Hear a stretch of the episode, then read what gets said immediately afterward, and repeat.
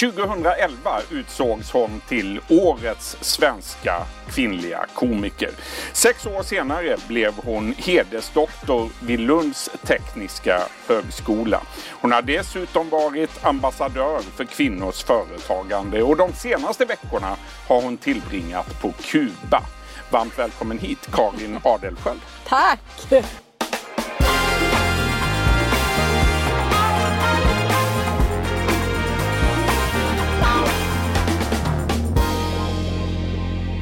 Karin, vi börjar med dina fyra veckor på Kuba. Ja. Eh, du har tagit danslektioner, du har hängt på stranden, gått cigarrkurs, du har lärt känna två ryska pensionärer, en italiensk kärnfysiker, Marisol från Argentina och du ville absolut inte åka hem. Nej, och framför allt så har jag eh, intervjuat människor om stress, utmattning och hur de jobbar med dans på Kuba. Varför har du gjort detta? Jo, därför att förra året så utbildade jag mig, jag har inte pratat så mycket om det här, lite i hemlighet till eh, dans. Att jobba med dans som terapi. Eh, först så gick jag en utbildning i dans för psykisk hälsa vid, eh, som är kopplad till Örebro universitet och sen i höstas så har jag läst dansterapins grunder. Ja, det låter lite flummigt. Vid Karlstad universitet.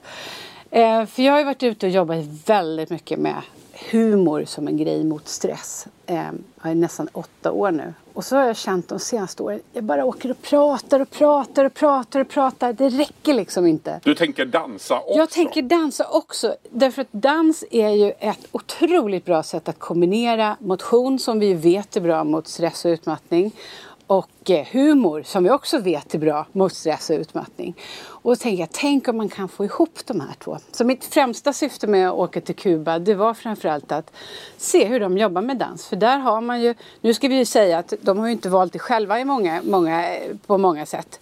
Eh, att de har dansare som är statligt anställda till exempel som dansar på med äldre som mår dåligt eller i förebyggande syfte för, eh, mot psykisk ohälsa.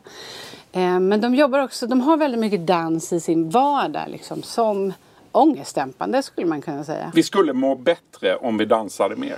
Vi skulle absolut må bättre om vi dansade mer. Men vägen dit i Sverige är ju ganska lång. För att ställa alltså att dansa är alltså så, så långt från oss svenskar och vår bekvämlighetszon som man kan komma. Varför har det blivit så då tror du? Jag tror att för vi har tappat lite det här med kropp och vi har tappat lite med det här med att umgås och se på varandra. Och jag tror att vi är lite blyga och så. De flesta dansar inte nyktra liksom. Eh, vi har slutat dansa. Det är så himla synd för att... Och det var ju så otroligt. Jag var nästan chockad. Jag har ju dansat mycket och dansat mycket. Men att vara på Kuba, dansa i alla sammanhang, nära folk. Man dansar ju supernära. Alltså man juckar Är det ju inte på varandra. Jo i början var det, du vet jag tycker jag är så frigjord och så härlig Ja. och så. Men alltså jag var så spänd. Jag var så spänd och jag tyckte det var så obehagligt i början tills jag liksom kom in i det och insåg att man behöver liksom inte ligga med någon för att man dansar med någon. Det är helt nytt för mig. Nej men jag menar, jag menar man, alltså, att vara så nära en människa är ju inget mer än att man är nära en människa.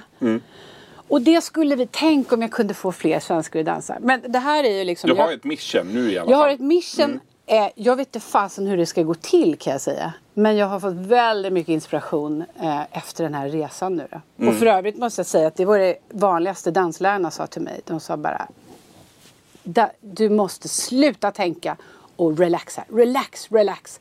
Så i början var jag tvungen att ta ett glas rom innan varje lektion för att överhuvudtaget fixa det här. Va?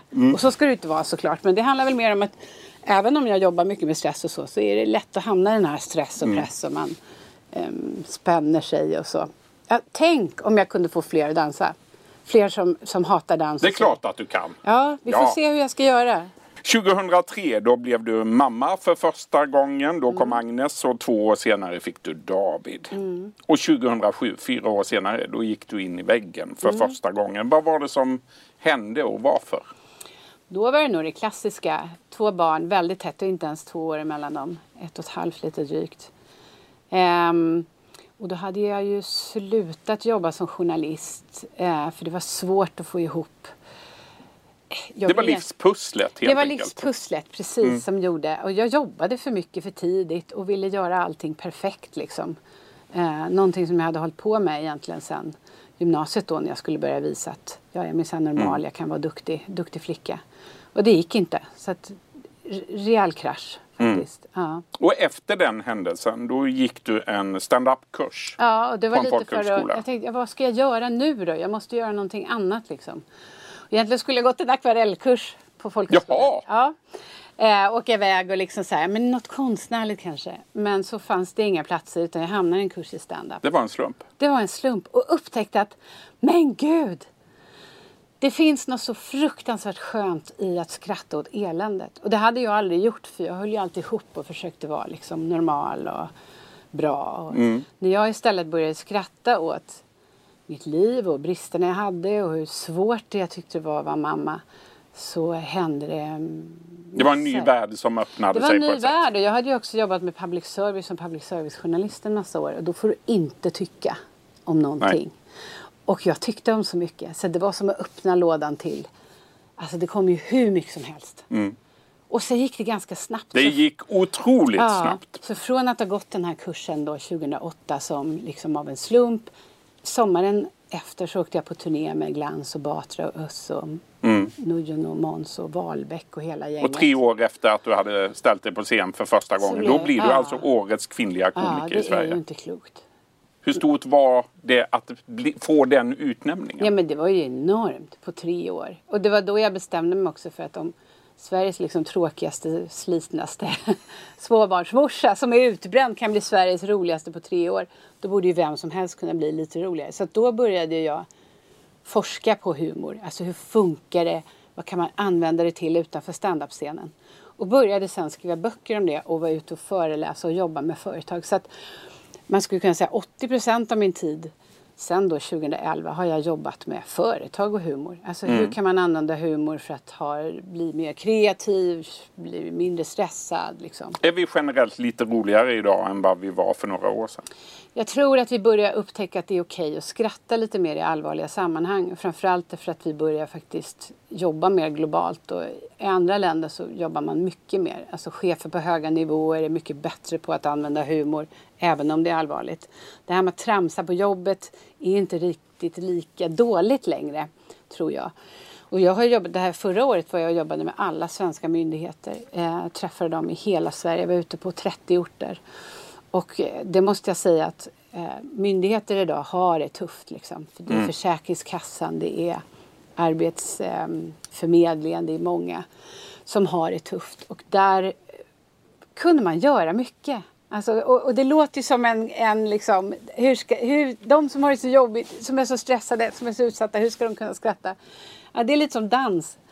Fast första steget. Du kommer att dansa dig igenom alla Sveriges myndigheter också. Ja, tänk om jag framöver. kunde hitta, jag måste hitta liksom nyckeln. Om någon ser det här och har någon bra idé, hur ska jag få Sveriges er. myndigheter och näringsliv att dansa på arbetstid? Hör gärna av er. Härligt.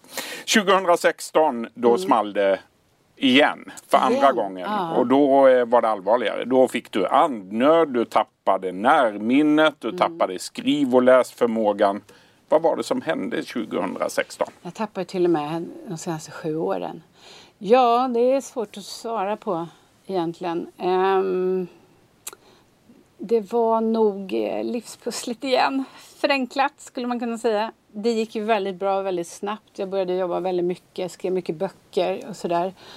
Eh, försökte dra i bromsen när jag fick symptomen väldigt tidigt och sa faktiskt upp nästan alla jobb och flyttade upp till Östersund. Uh, antingen så kom det ikapp mig eller så var det... Alltså, Hur har livet förändrats sedan 2016 då? Den smällen, vad fick den för konsekvenser? ja, men jag tror att jag insåg att man kan bränna ut sig på vad som helst. För jag la ner jobb, jag flyttade upp till Norrlands inland. Jag började med yoga, meditation, akupunktur, skaffade hundvalp och så vidare och så vidare.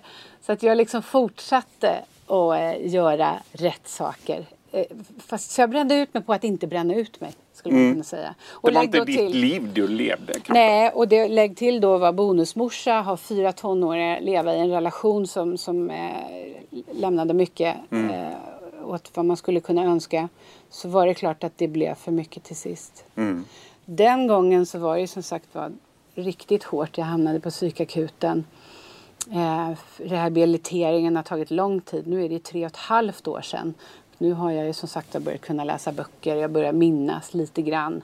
Men jag fortfarande... Är det först nu minnena börjar komma tillbaka? Ja, och det är ju lite tack vare att jag har varit så duktig på att uppdatera på sociala medier. Att jag har liksom, jag tittar varje dag på Facebook, minnen och försöker komma ihåg och se. Men fortfarande jättestora luckor, tyvärr. Mm.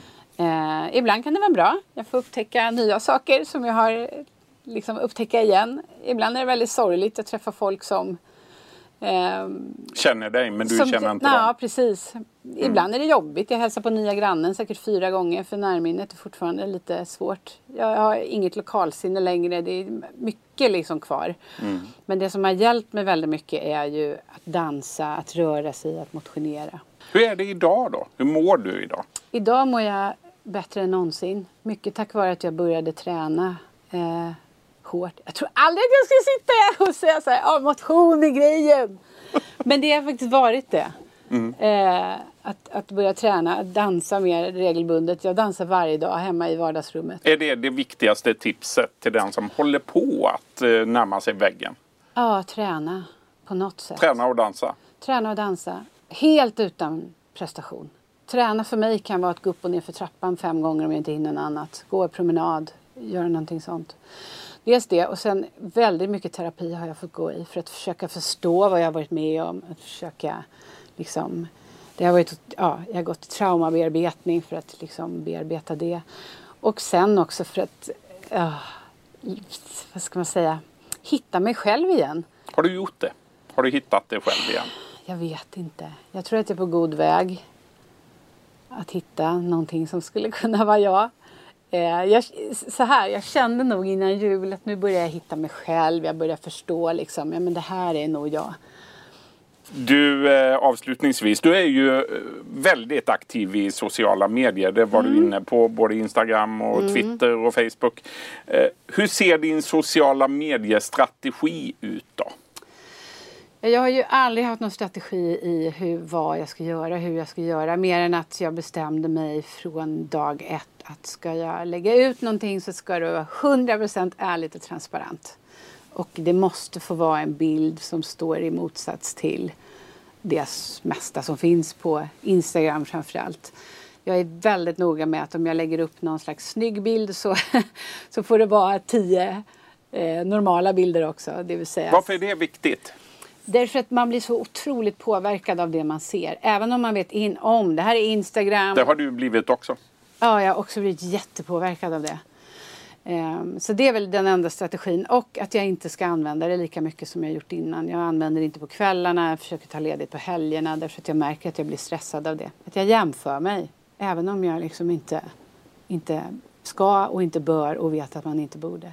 Jag har en jättelust att radera alla mina sociala medier. Oj! Uh, det får du inte göra. Vi får se.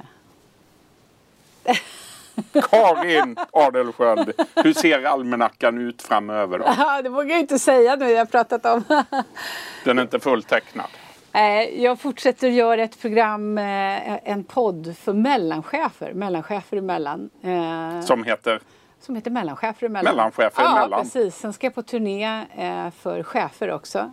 Lära dem att skratta mer, använda sig av humor i jobbsammanhang. Så håller jag på med en ny bok som är något helt annat också. Jaha! Jag vet! Vad spännande! Ja. Den får du också komma tillbaka hit och berätta om. Och så är det dansen. Och så är det dansen. Ja, vi har mycket att lära av Karin Adelsköld. Stort tack för att du, Ja det har vi. Ja. Stort tack för att du kom till studion idag. Jag ska inte visa något salsasteg. Jo gör det. Ja. Visa ett salsasteg. Nej men jag du... kan inte. Nej men kom upp nu. Tänker att du ska liksom. Men det här blir katastrof ja, Karin. Och så dansar man så här. Rör dig lite bara. Va? Jag bara rör mig. Ja, rör lite så. Kan vi få lite musik? du får sjunga. Kolla vad stelt det blir. Du har massor. Du måste dricka rom. Jag kan. Vi får ta danskurserna. Du har lyssnat på en podcast från Expressen. Ansvarig utgivare är Klas Granström.